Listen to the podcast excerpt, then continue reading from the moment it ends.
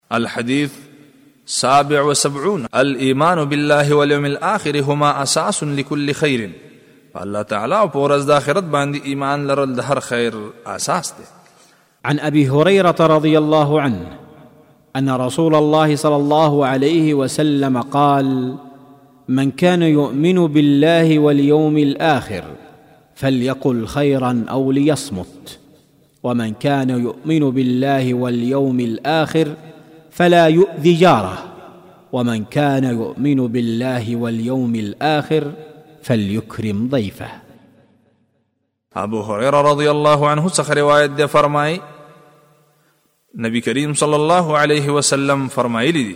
څوک چې ایمان لري په الله تعالی او په ورځ د آخرت باندې نو د خیر وینا دی کوي او یا دی چوپ شي څوک چې ایمان لري په الله تعالی او په ورځ د آخرت باندې نو گاونډي ته دی تکلیف نه رسوي څوک چې ایمان لري په الله تعالی او په ورځ د آخرت باندې نو د میلمه عزت او اکرام دی وکړي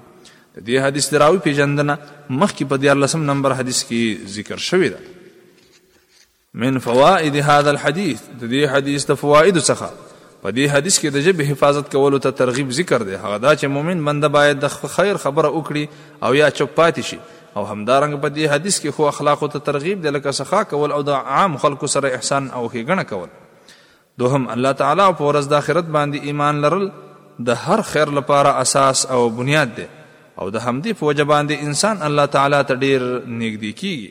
دریم، دا حدیث لارښوونه کوي چې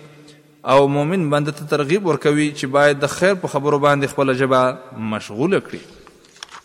څلورم، په دین اسلام کې د ګاونډي ډېر حقونه حقونه ذکر دي او د هغه اهتمام کول ضروري دي.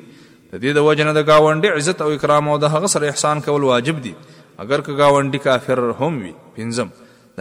مېلمستیا او د هغه عزت کول د اسلامي اخلاقو څخه دي او د ایمان نښه او علامه ده.